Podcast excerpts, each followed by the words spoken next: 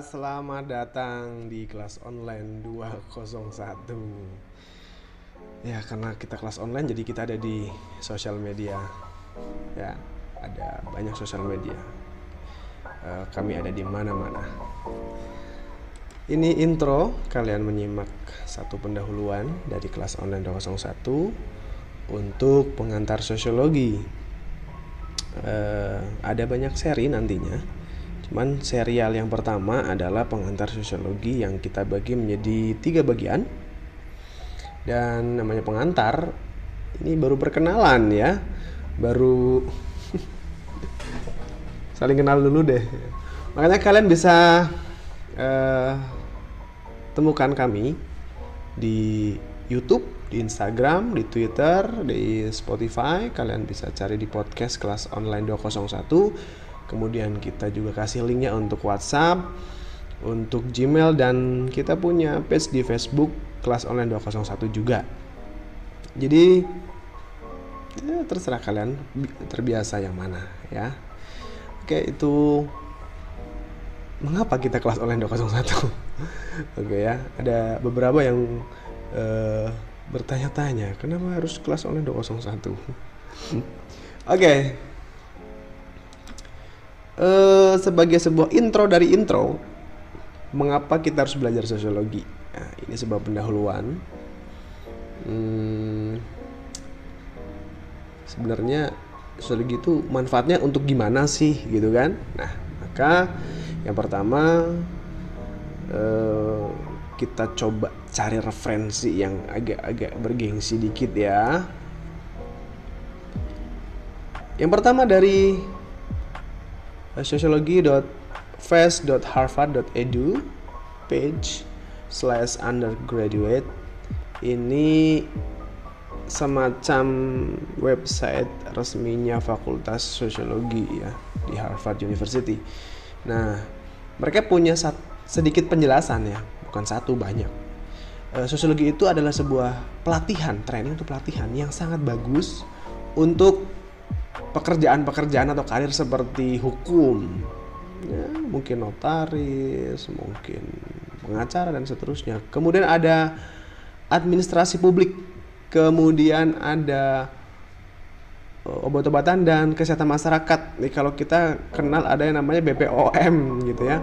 Kemudian ada eh, periklanan dan marketing gitu. Kemudian ada politik dan kebijakan publik. Kemudian yang jelas pasti orang sosiologi juga bisa masuk bisnis, bisa masuk di bank dan masuk konsultansi. Nah, konsultansi itu misalkan pemerintah itu mau bikin rumah susun ya sederhana sewa yang kita pernah sering pernah sering ya. Ini pasti akan tanya dulu nih, survei dulu ya. Eh, gimana sih masyarakat siap atau enggak kalau misalkan dipindah ke sana dan seterusnya. Oh, kebutuhan kalau bikin rumah susun tuh untuk manusianya tuh apa saja dan seterusnya. Itu semacam itulah ya. Dan itu sangat sangat membantu. Kemudian yang kedua, kalian bisa temukan di link ini ya. Eh, London School of Economic Sosiologi itu mengeksplorasi hampir semua aspek kehidupan masyarakat. Kita ini bagian masyarakat kan, ya. Ya, ya, walaupun kita ngaku-ngaku introvert sih, tapi tetap aja kita bagian masyarakat, ya kan? Nah, ini dengan menggambarkan melalui teori-teori ya. Jadi ide tentang teori ini kemudian digambarkan untuk menjelaskan sesuatu. Misalkan begini, teori konflik. Kenapa orang selalu berkonflik? Kenapa kita selalu eh, ada aja gitu konflik sama orang lain. Nah, salah satu teorinya secara sosiologis ada teori konflik antar kelas sosial. Oh ya memang eh, hidup itu adalah perjuangan kelas ya kan dari yang kelasnya 201 jadi kelasnya 10.000 misalnya nggak gitu. Maksudnya kelas sosial ini. Ya. Jadi orang-orang yang kalau zaman sekarang agak-agak kasar ya bahasanya Eh, kita kenal ada ada istilah burik kemudian menjadi glowing misalkan begitu I don't know. Nah, ini tugasnya sosiologi nih nanti ke depan untuk menjelaskan sebenarnya kenapa eh, masyarakat itu kemudian pakai istilah-istilah macam itu. Itu pun bisa dijelaskan dalam sosiologi. Oke. Dan itu untuk menyelesaikan masalah juga gitu ya kalau hanya sekedar trending nggak masalah sih cuman itu kemudian kalau itu menjadi merugikan orang banyak ujung-ujungnya ya kita tahu lah banyak juga kan public figure yang berujung minta maaf bikin video klarifikasi dan seterusnya tapi itu nanti ada lagi ada lagi ada lagi kenapa sih kita tidak belajar gitu. Kemudian kita juga dalam sosiologi itu sebagai satu strategi secara keilmuan untuk menghadapi dilema-dilema ya yang kita hadapi di zaman ini gitu. Ya kan? Ya mau tidak mau harus sekolah online di rumah karena keadaan sekarang yang tidak memungkinkan misalkan seperti itu. Tapi kan tidak maksimal dan seterusnya ada banyak dilema ya. Itu contohnya Sosiologi akan membantu nih oh, strategi bagu bagusnya seperti apa? Secara teori seperti apa? Secara riset seperti apa? Secara praktek seperti apa? Maka tadi di atas uh, kita kenal juga dengan kebijakan publik. Kebijakan publik itu kebijakan yang dibuat untuk masyarakat. Dan tentunya umumnya biasanya oleh pemerintah ya kan? Nah selanjutnya ya kita akan mengenal empat sifat ilmu sosiologi. Tapi sebelumnya di sini ada satu caption yang yang cukup manis sih. The world changes from year to year, our lives from day to day, but the love and the memory of you shall never pass away.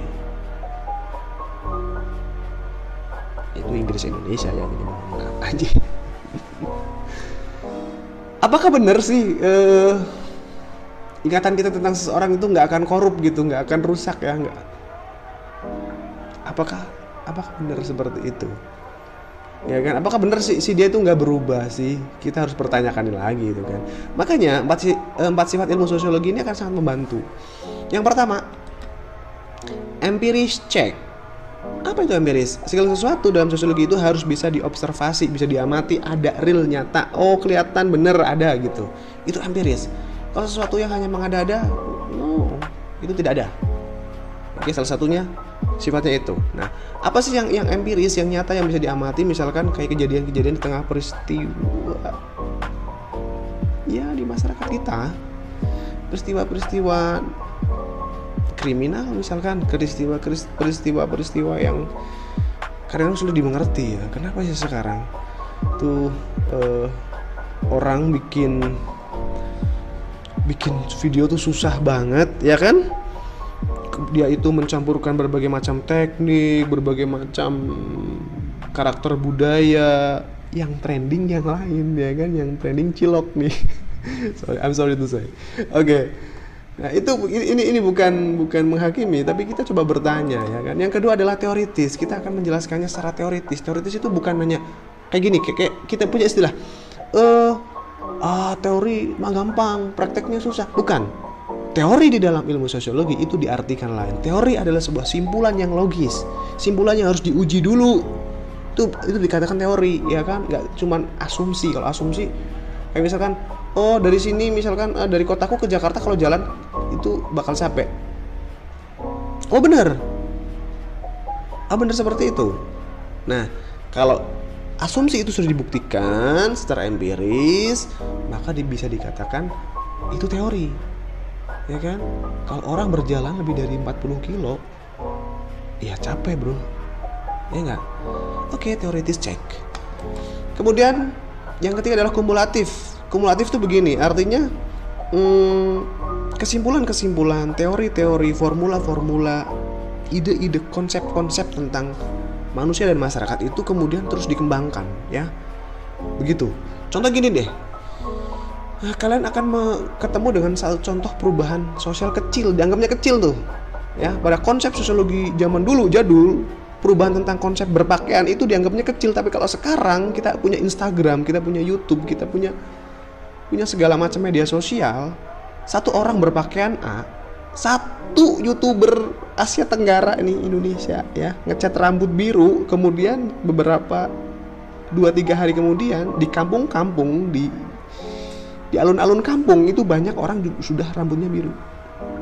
Gitu loh artinya kita tidak bisa berpatokan lagi pada teori-teori yang yang pada masyarakat yang zaman dulu. Enggak.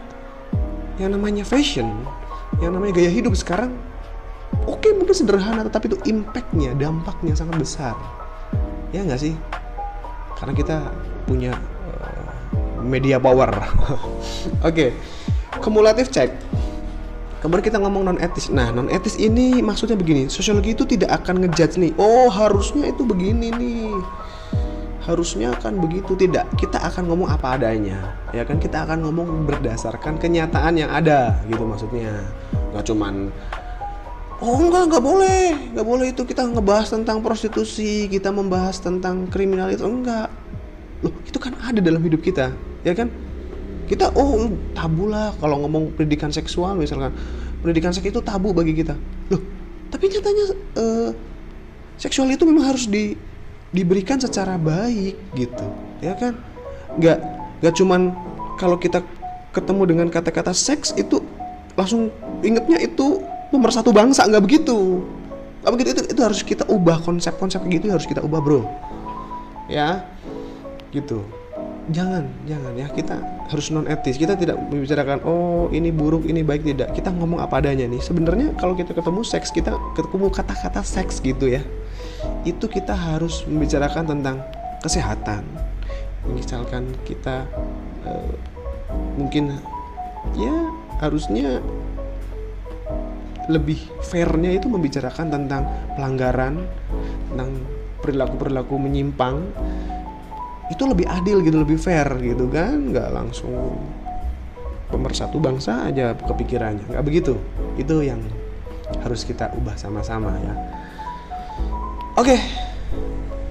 uh, eh, kalian boleh kasih kok masukan kritik atau uh, apa ya semacam pendapat kalian tanggapan kalian di di komen ya tentang hal ini ya. Itu nanti akan jadi asik gitu kan. Uh, kemudian apa yang harus kita lakukan? 4 BSD BSD ini bukan yang di daerah Tangerang itu bukan maksudnya. Yang pertama baca.